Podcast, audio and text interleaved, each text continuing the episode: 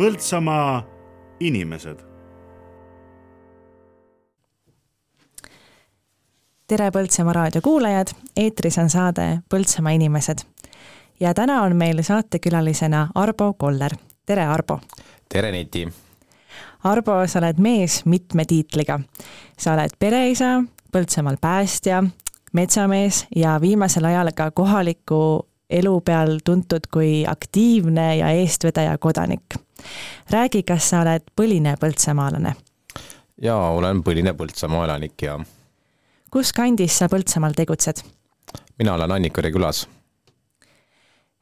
Põltsamaa Ühisgümnaasium tähistas äsja ka oma juubelit. räägi, millised mälestused sul Põltsamaa koolist on? noh, eks ma Põltsamaa koolis olin niisugune ütleme, väga niisugune elav hing, ega õpetajatel ei olnud minuga väga kerge. Ja kui ma nüüd olen, kohtasin enda klassijuhatajat, siis ta oli väga imestunud, et eh, kuidas elu niisuguse pöördkäigu võtnud on. millise pöördkäigu? et eh, olen juba siin ligi üheksa aastat olnud päästjana tööl. et tema oleks minust üks niisugune väikene niisugune, kuidas siis öelda, pahareid saab, aga ei läinud tema tahtmist mööda aga kuidas sa leidsid tee päästeametniku töö juurde? Eks eluaeg on tegelikult olnud niisugune huvi, et eh, tahaks aidata, natukene võiks olla elus niisugust adrenaliini, et ja päästetöö võimaldab seda kõike. kui kaua sa oled päästjana töötanud? saab sügisel üheksa aastat.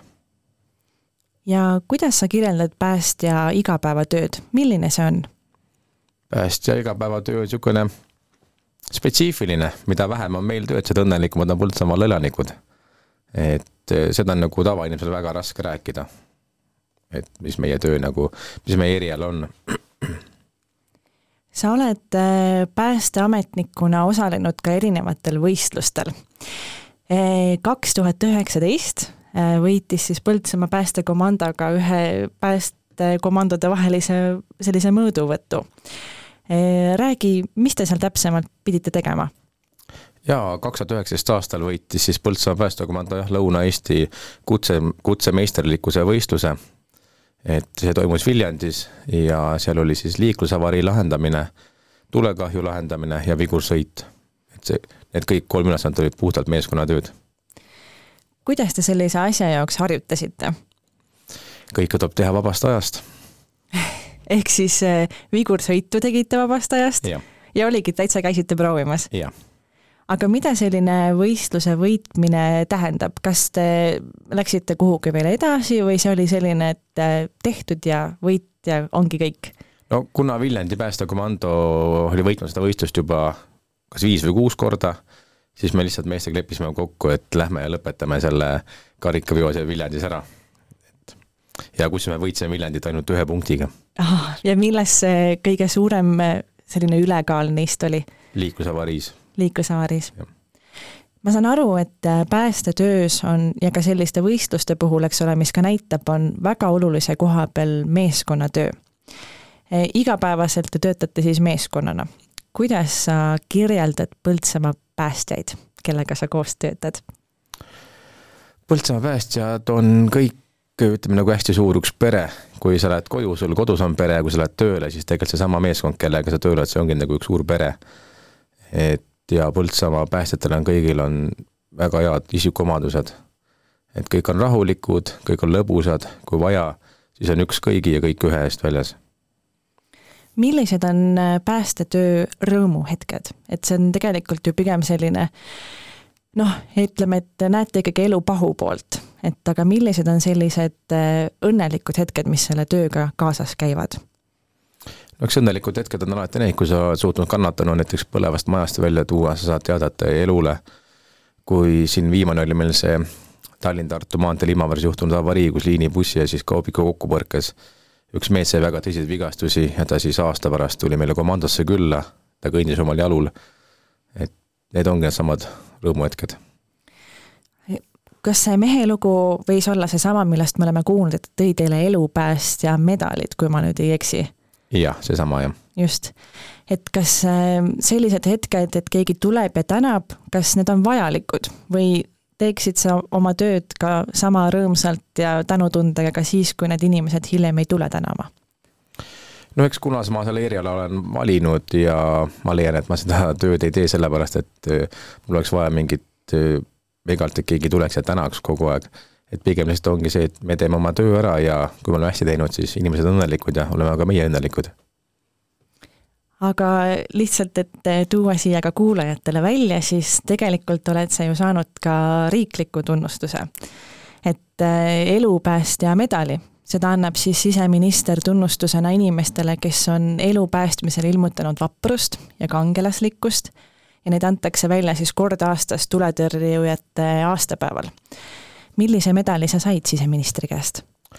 mina sain jah, kolmanda klassi elupäästja medali kas see oli sellesama loo eest, mis sa just rääkisid? ei, see oli üks, saime väljakutse, et eh, naisterahvas on uppumusohus, aga algpunktis, kus meile pandi, et inimene sealt hoopis oli poolteist kilomeetrit eemal. aga lõppes lugu õnnelikult? lõppes õnnelikult, jah. kas sellised lood jäävad meelde või on pigem niimoodi, et lähed koju ja siis püüad noh, jätta nagu kõrvale selle töö, et kui hästi sa suudad jätta töö nii-öelda siis töö juurde ja tulla koju ja mitte siis mõelda nende lugude peale, mis on juhtunud? eks kindlasti on neid äh, väljakutse, mis jäävad meelde, aga üldjuhul ma olen ütelnud seda alati, et äh, mina ise olen nagu täiesti tavaline poekassapidaja, kui kell kukub, paneme kassa kinni ja kõik jääb sellesse päeva. muidu ei ole seda päästetööd võimalik teha, kui igat pisiasja võtta kaasa koju, hakata seda omaette menetlema, lihtsalt puhtfüüsiliselt lõpus enam ei saa hakkama selle tööga. aga millised on need äh, võib-olla sellised lood, mis on jäänud hinge, et tahaks öelda mõnikord inimestele, et see on lugu, millest võiks õppida ja ärge teie nii tehke? Et kas need on pigem liiklusega seotud juhtumid või näiteks kuidagi koduohutusega või, või kuidas nagu äh, sellised lood on, et kas tahaks vahepeal öelda inimestele, et palun ärge nii tehke? eks tegelikkuses on kõik need väljakutsed on meie jaoks niisugused asjad, kus tahaksime öelda, ärge niimoodi tehke. aga kuna, nagu me teame, siis õnnetuse hüüa tulles, et kahjuks ei ole neid võimalik ja nendega tuleb leppida. Aga kuidas sa hindad, kas Põltsamaa elu on pigem turvaline, noh üldiselt, või võiks olla parem? Põltsamaa elu on väga turvaline. kõige rohkem tööd vist annabki Tallinn-Tartu maantee või ma eksin? tead, oleneb aastaajast, aga üldjuhul jah mm. -hmm. aga mis oleks selline lugu, mille sa paneksid käima, kui sa oled tulnud pikalt tööpäevalt ja mõtled, et nüüd tahaks natukene mõtted mujale viia ja kuulata mõnda head lugu. mis see lugu oleks, mille sa paneksid mängima? eks kui peale päästetööpäeva tuled koju, ikkagi kuulad seda päästjate laulu. paneme siis selle mängima. paneme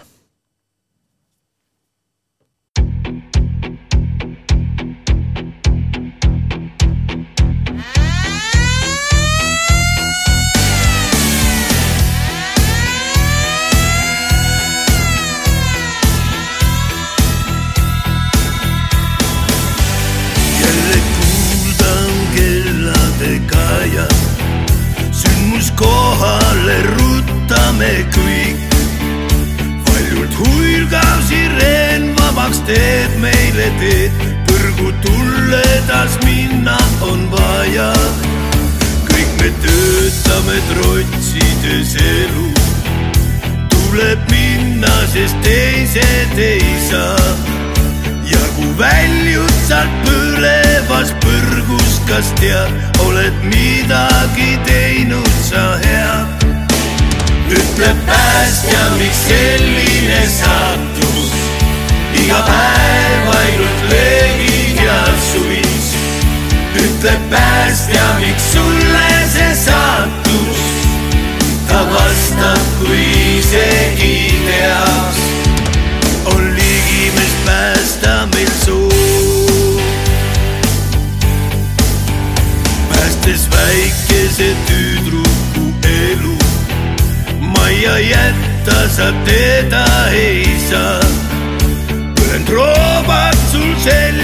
pealt vaevavad ihu, ise kaitsed sa tüdruku pead. tuli raevub, see pulub ja röögib kas siit tagasi pöördume kõik. kiud kõike, mis maa peal ja taevas ja vees, hingad raskelt, kuid minema pead. ütleb päästja, miks selline saatus, iga päev ainult leegid ja suvis ütleb päästja, miks sulle see saatus ta vastab, kui isegi teaks, on ligimes päästa meil soov. täna siiski saad õiglase tasu, tüdruk päästetud põlevas toas. Oled täna tal kinkinud elu, mis noor, naerad ema ja isaga koos iga kord pole saatus nii helde, võtnud parimaid meiegi seast. leinaseisakus langevad rinnale pead, mõttes soovid sa poistele head. Ütleb päästja, miks selline saatus, iga päev ainult leegid ja suvis ütleb päästja, miks sulle see saatus. ta vastab, kui isegi teaks, on liimest päästa meil soov. ütleb päästja, miks selline saatus, iga päev ainult leegid ja suvis. ütleb päästja, miks sulle see saatus ta vastab, kui isegi teaks,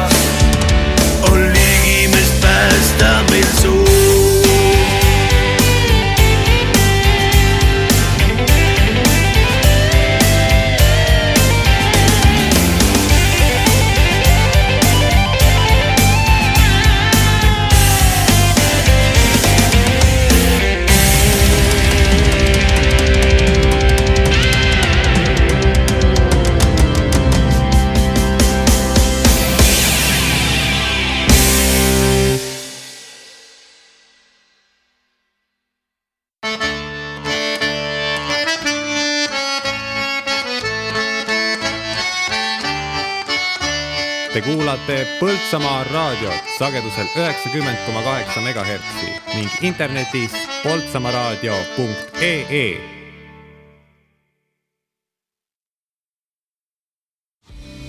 valipress Trükikoda soovib praegustele ja tulevastele klientidele meeldejäävat uut aastat.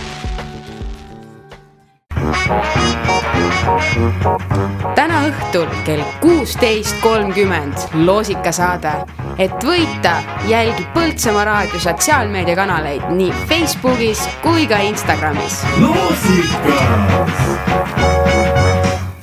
igal hommikul ja muidugi pühade ajal toovad puhta eestimaise piima maitse sinu lauale Eestis valmistatud E-piimajuustud. armastatud ja laktoosivabad. Ostes E-piimajuustu, toetad Eesti põllumehi. loe lähemalt epiim.ee või vaata Facebookist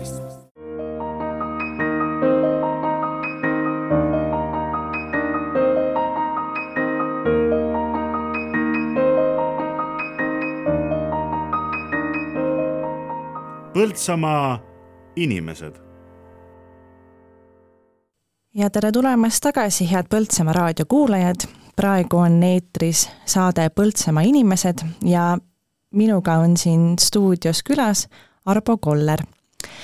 Arbo, sel suvel oli Põltsamaa õiget mitmete nii meediaväljaannete kui ka telekanalites suure pealkirjaga väljas, sest et Põltsamaal oli juhtunud niimoodi öeldes katastroof.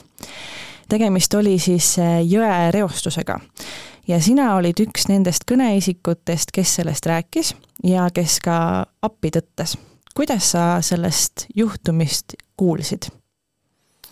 jaa, et tõesti see esimene august oli see kuupäev jah, mis raputas siis kogu, kogu Põltsamaa valda, et eh, nimelt siis kolmekümne kahe kilomeetrisel pikkusel Umbusi jõel sai siis laialduslik keskkonnareostus alguse ja tänu sellele siis hukkus üheteistkilomeetrisel jõelõigul kogu ökosüsteem. kuidas sina sellest äh, teada said, kas sa nägid seda ise või kuulsid kellegi käest? ma läksin päästjasse tööle hommikul, kui saadeti pilt mulle, et üks inimene on jaganud Põltsamaa elus, et umbusjärel on toimunud keskkonnakatastroof, võtsin temaga ühendust, lasin endale helistada, rääk-, küsisin, kuida-, mis selle asi on, rääkis loo ära ja seejärel siis võtsin ühendust häirekeskusega lasime endale väljakutse sinna teha. ja sealt siis see asi hakkaski arenema edasi. ehk siis tegelikult alguses keegi ei reageerinudki? et see oli küll olemas, keegi nägi, aga veel keegi ei tegutsenud? jah, et see oli olnud jah, üks kaks päeva lihtsalt niisama. aga mis see esimene pilt siis seal kohapeal avanes? esimene pilt oli väga õudne. et äh, umbes jõest oli saanud lihtsalt üks niisugune silohoidla, mis haises väga kõvasti ja siis äh, vee peal oli ikka noh, ma võin öelda kümneid tuhandeid kalu, kes ahmisid õhku. ja kuidas seda olukorda te siis lahendama hakkasite? kõigepealt siis, kuna ma olin ise päästes tööl, otsisime üles selle lekkekoha, lekkekoha siis sulgesime veel kord vallitusega ja siis saime nagu farmiomanikuga kokkuleppele, et tema hakkas seda kohe puhastama ja siis vabatahtliku, kes sel päeval kohale tulid, nemad hakkasid siis elusaid kalu sealt seest välja võtma ja panime puhtasse vette. ja siis transporditi neid kalad sealt kõrval olevasse jõkke. kui palju neid vabatahtlikke oli, kes äh, kaasa lõid? esimesel päeval võis olla neid kuskil niisugune sada viiskümmend kuni kakssada. Vau, see on päris suur inimeste arv. jaa, see on väga suur. ja millise kilomeetri jaotuse peale need inimesed töötasid, kas kogu see pikkus või olite ühes kohas? tegelikult alguses oli, oligi kõik, kõige hullema, ütleme siis selle katastroofi tegelikult saigi Lustiveere pais, sest see jõgi voolas sinna sisse ja kõik see aine jooksis kõik sinna kokku, et seal oligi see kõige hullem. ja kui kaua selle reostuse selline kordasaamine või puhastamine aega võttis? Kuna me alguses arvasime, et see jõe reostus ainult ongi, piirnebki siis üheteist kilomeetris lõigul, et Lustiveere paisjärg lõpeb ära, aga tegelikult nii see ei olnud, et sealt läks allapoole ka üks kaheksa kilomeetrit, siis tegelikkuses meil võttis aega see üheksa päeva, kogu selle surnud kalade veest väljakorjamine. mis nendest kaladest edasi sai? kalad kogusime kokku, lugesime üle koha peal iga õhtu ja andsime Keskkonnaametile. aga ma küsin ka sellist asja, et ma saan aru, et kogunesid vabatahtlikud ja oli selline eestvedamine. aga millised need vahendid pidid olema, millega te seal töötasite, kas need olid kõigil olemas või need tuli kuidagi hankida või kuidas see süsteem välja nägi? esimestel päevadel tõesti oli väga raske seda teha, kuna me ei teadnud, mis ainega on tegemist, osad inimesed ütlesid, see vesi kõrvetab, et kui nagu võtsid palja käega kalaveest välja, siis kümne minuti pealt läks käsi punaseks ja käsi hakkas kõrvetama. et siis oligi meile kohalikud ise tõid juurde kummikindaid, puhast vett kätepesuks, prügikotte ja siis oligi järgmisel päeval, kui ma ise päästetöö lõpetasin, saime kohe kokku seal ja siis juba hakkasime edasi uurima kahvasi, paate, kahlamispükse ja kogu seda varustust sealt.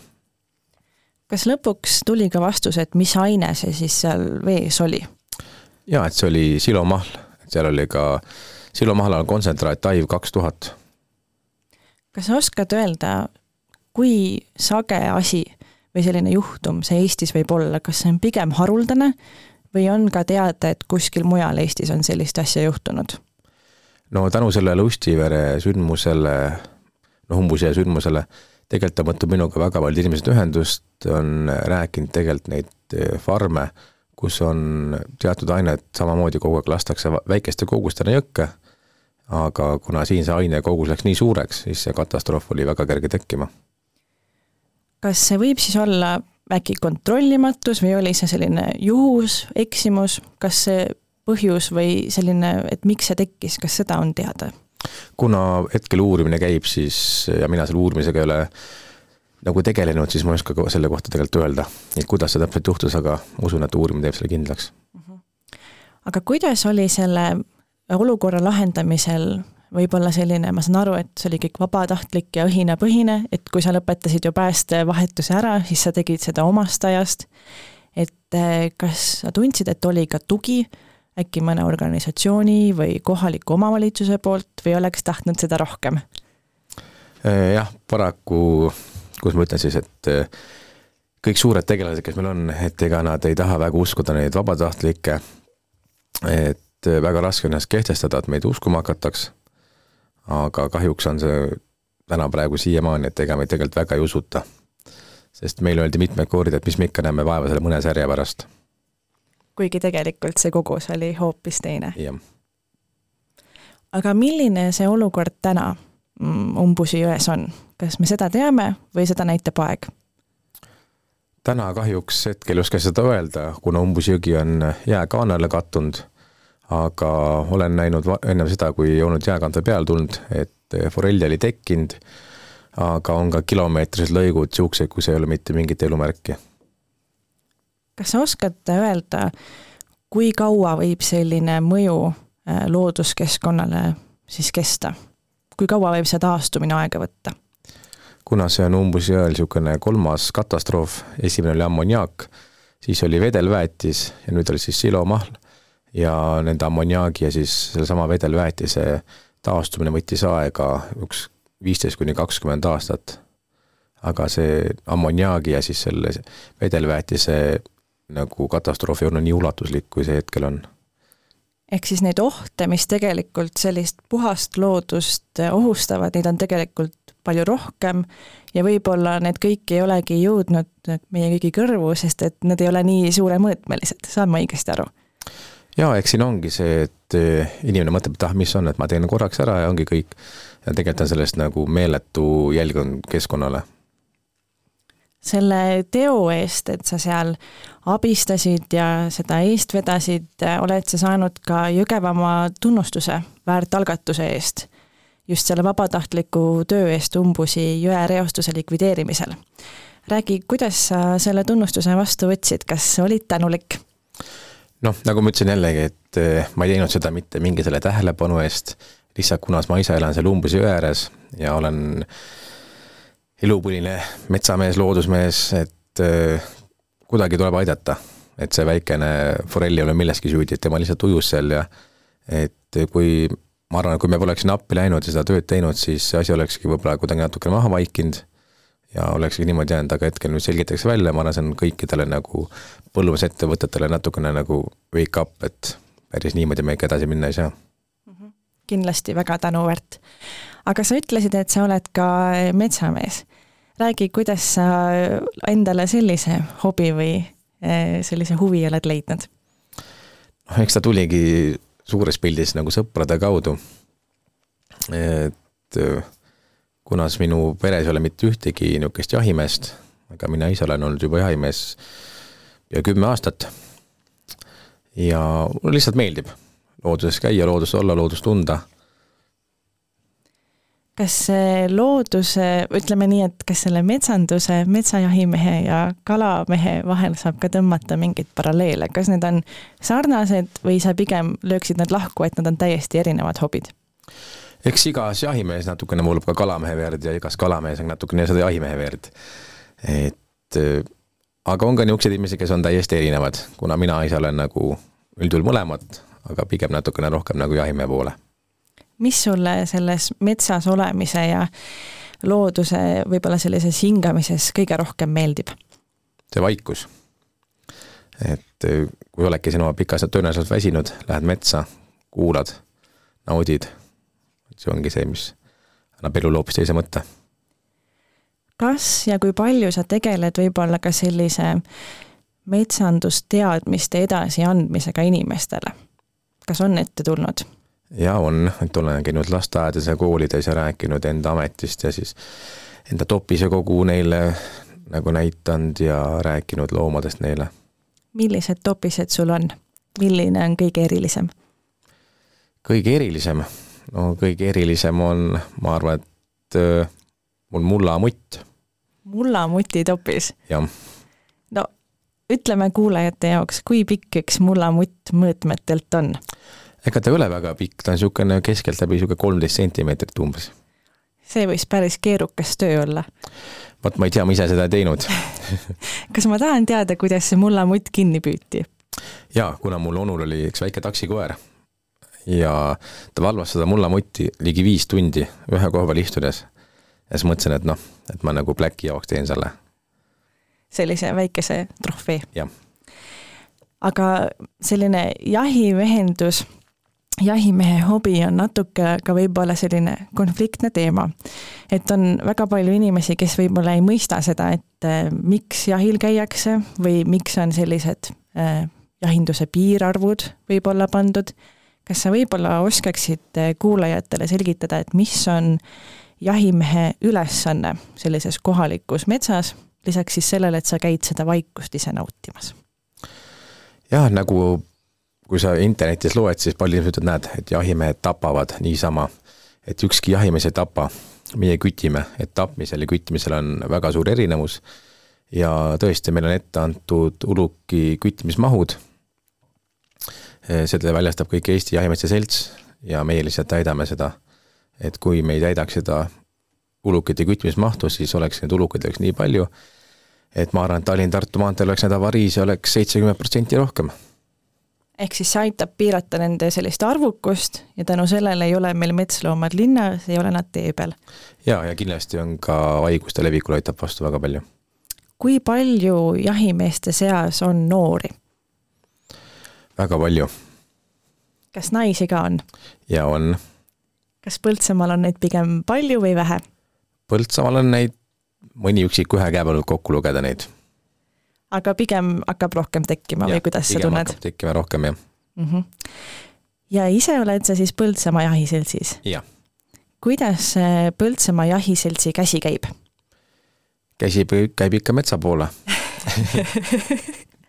väga hea vastus.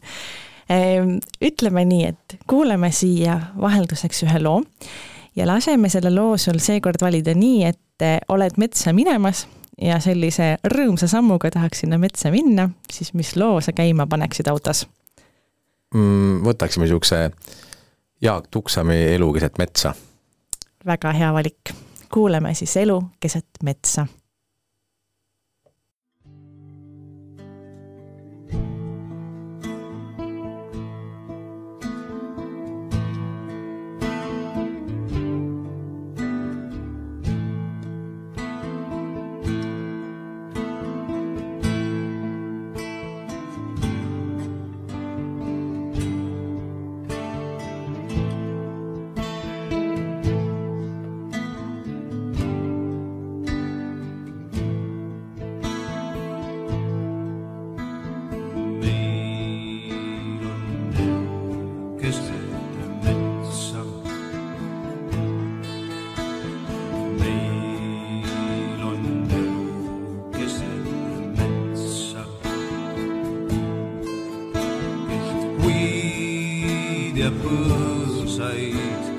aga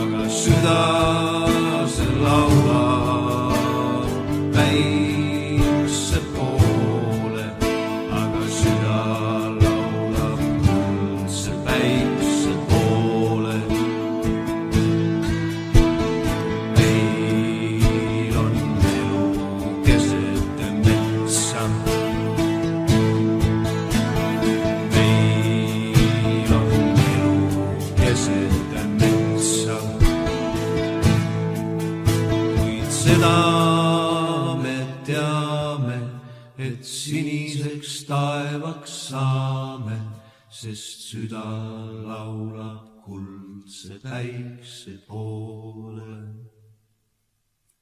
aga seda me teame, et siniseks taevaks saame, sest süda laulab kuldse päikse poole.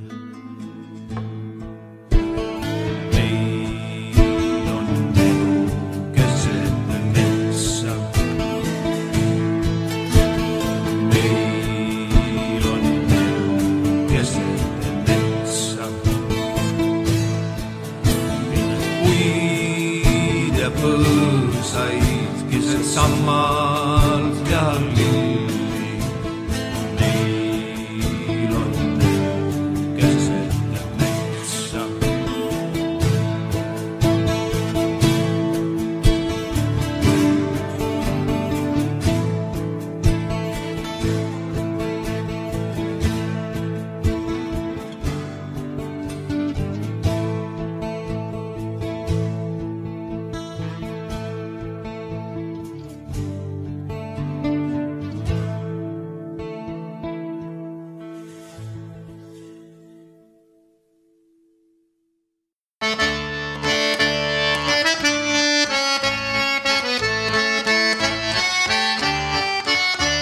Te kuulate Põltsamaa raadiot sagedusel üheksakümmend koma kaheksa megahertsi ning internetis poltsamaaraadio.ee. igal hommikul ja muidugi pühade ajal toovad puhta eestimaise piimamaitse sinu lauale Eestis valmistatud E-piimajuustud. armastatud ja laktoosivabad. ostes E-piimajuustu, toetad Eesti põllumehi loe lähemalt epiim.ee või vaata Facebookist. psühholoogiline nõustamine ja seltsidaami teenus Põltsamaa linnas. Angelika aitab alati. helista viis null viis kaheksa üheksa seitse kolm või kirjuta Angelika Valdre Facebooki. Angelika aitab alati puitprofiil saadab oma kollektiivile ja teistele valla elanikele parimad pühadesoovid. palju rõõmu südamesse, meeldejäävaid hetki lähedaste seltsis ja kordaminekuid uueks aastaks. oled huvitatud oma metsa müügist või korrastamisest? metsaserv majandab metsa heaperemehelikult, pakub omanikele mugavat ja kiiret teenindust. võta ühendust info at metsaserv.ee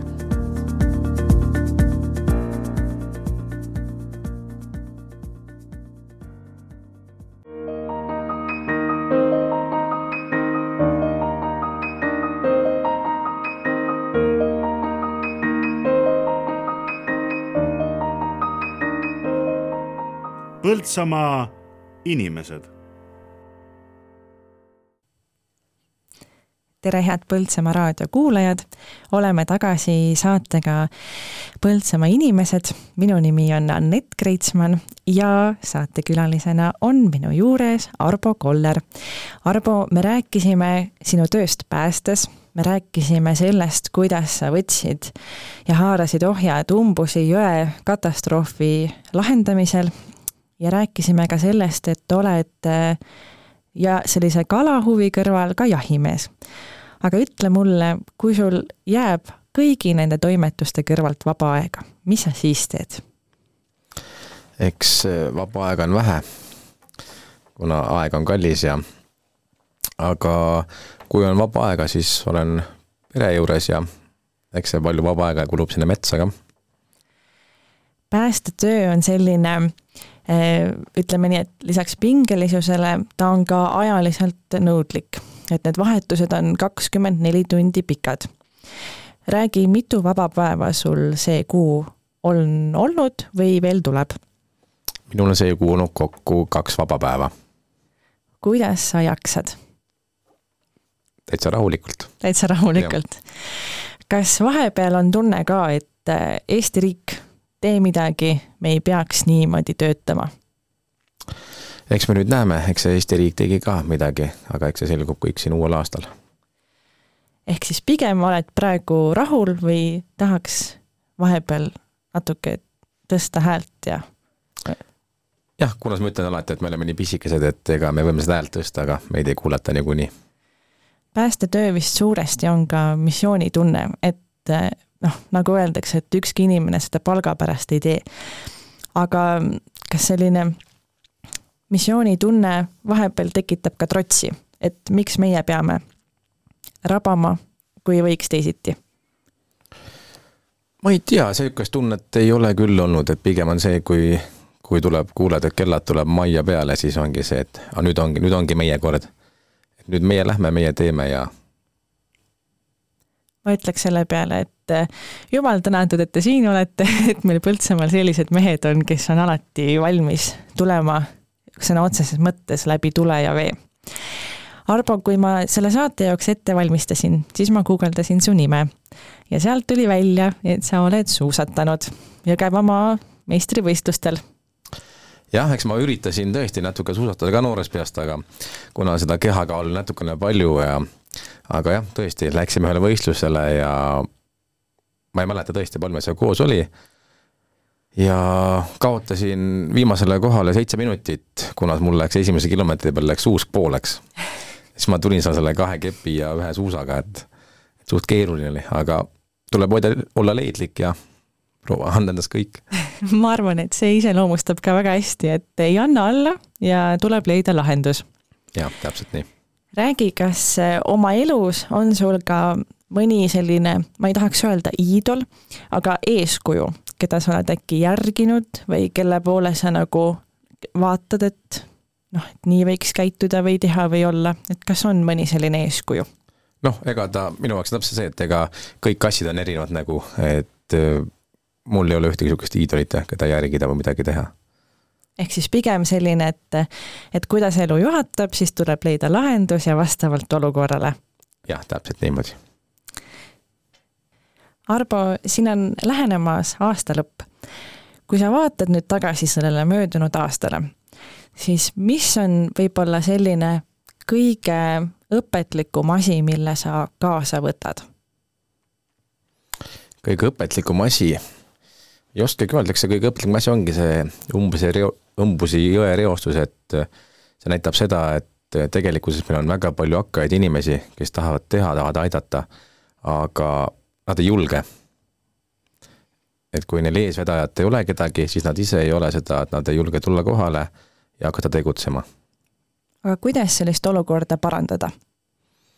eks siin on kindlasti, kohalik omavalitsus saab kindlasti suurt rolli mängida sellel, et anda enda abikäsi, moodustada näiteks, seal umbes oligi, et moodustada staap, seal siis panna nagu teadjam inimene etteotsa, kes jagabki juhtnööre, et tänu nagu nende järgi saabki siis vabatahtlik tegutseda kas sa ise ei ole mõelnud minna eh, noh, ütleme nii, poliitikasse, kandideerida kohalike omavalitsuste valimistel ja võib-olla hakata niipidi seda elu siin Põltsamaal parendama?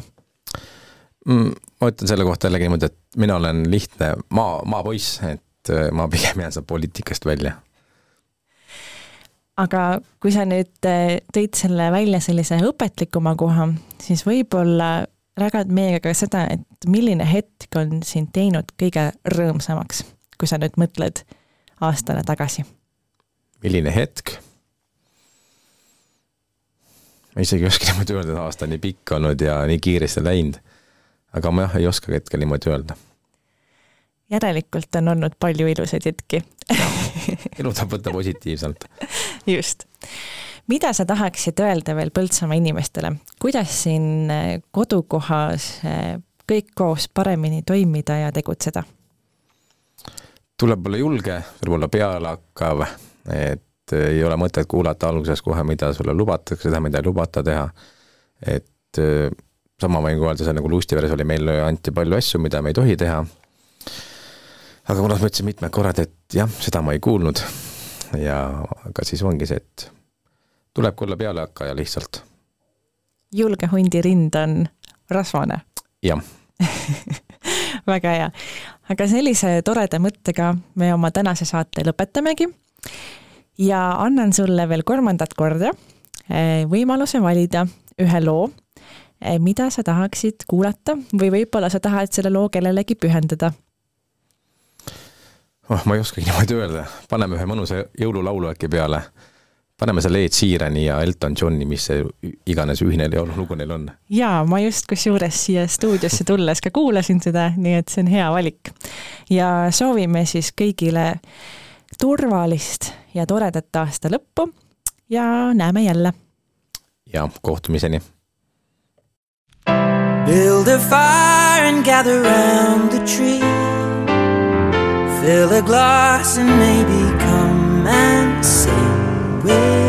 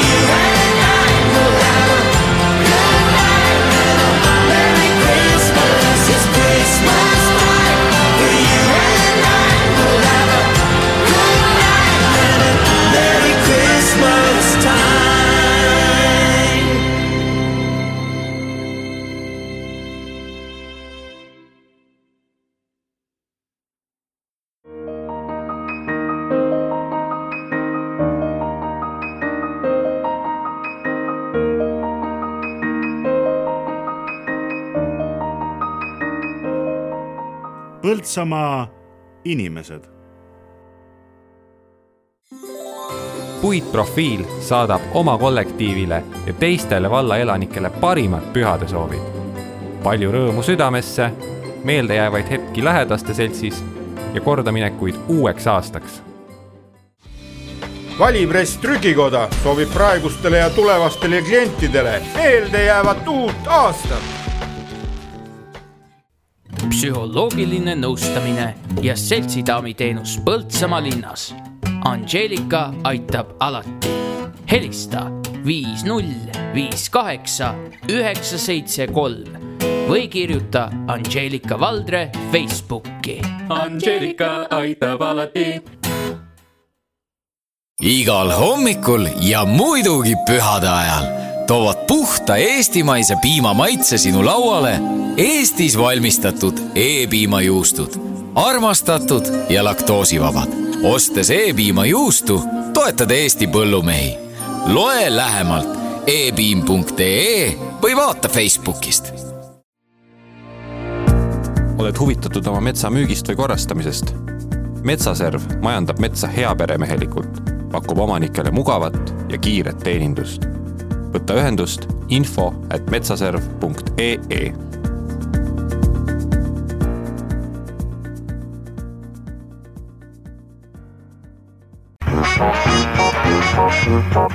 täna õhtul kell kuusteist kolmkümmend loosikasaade. et võita, jälgi Põltsamaa raadio sotsiaalmeediakanaleid nii Facebookis kui ka Instagramis.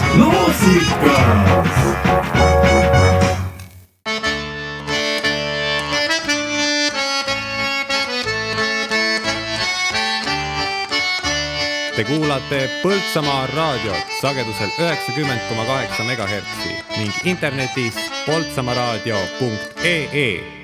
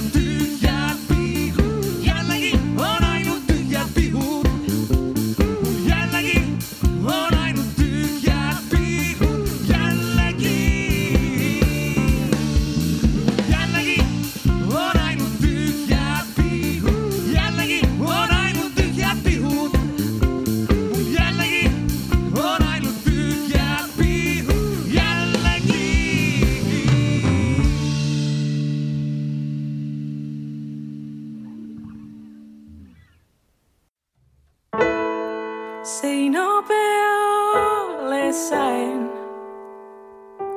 selle, mis kinni ei jäänud. sinu külge ja millele nime anda ei näi. jooksen ringi.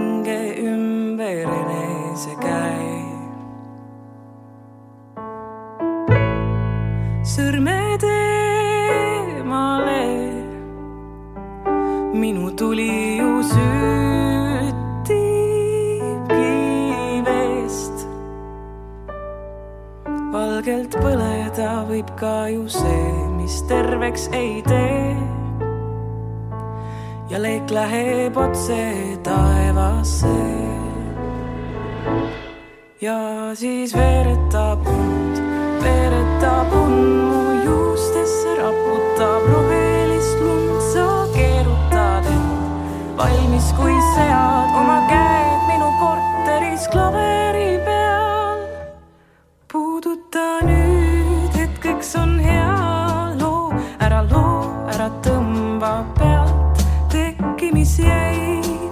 väikeseks kahele silmade vahele sillad ei käi.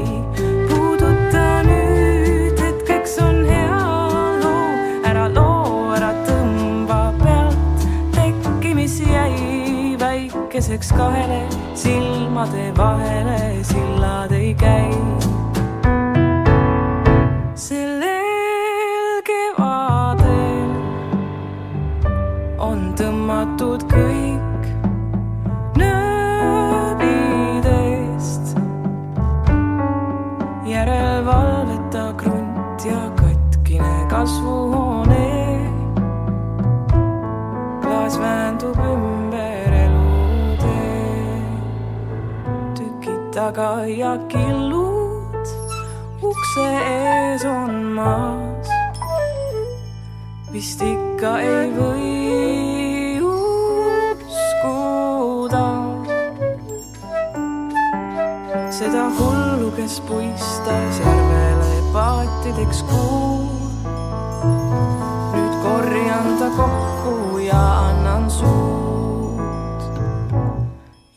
seis ver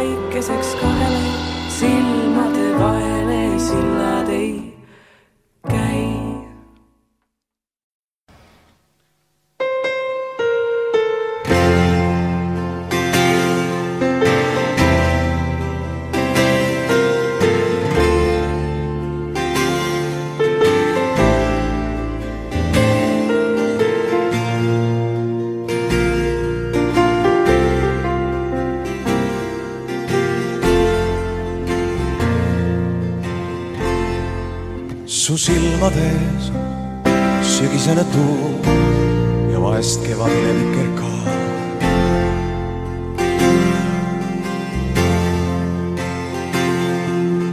jäine vaikus mõnel külmal hommikul kaugel-kaugel maal.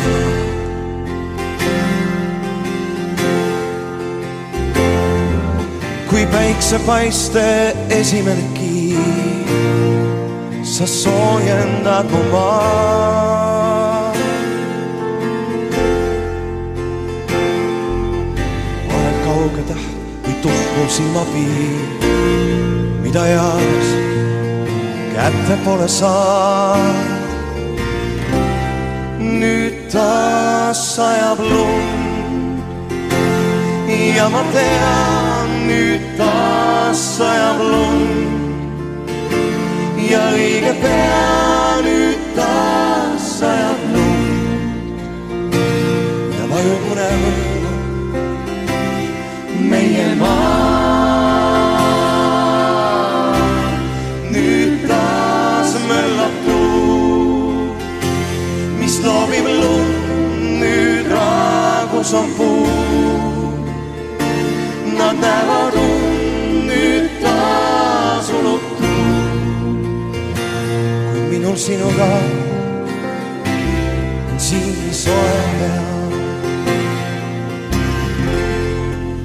su silmades on suveöine kuu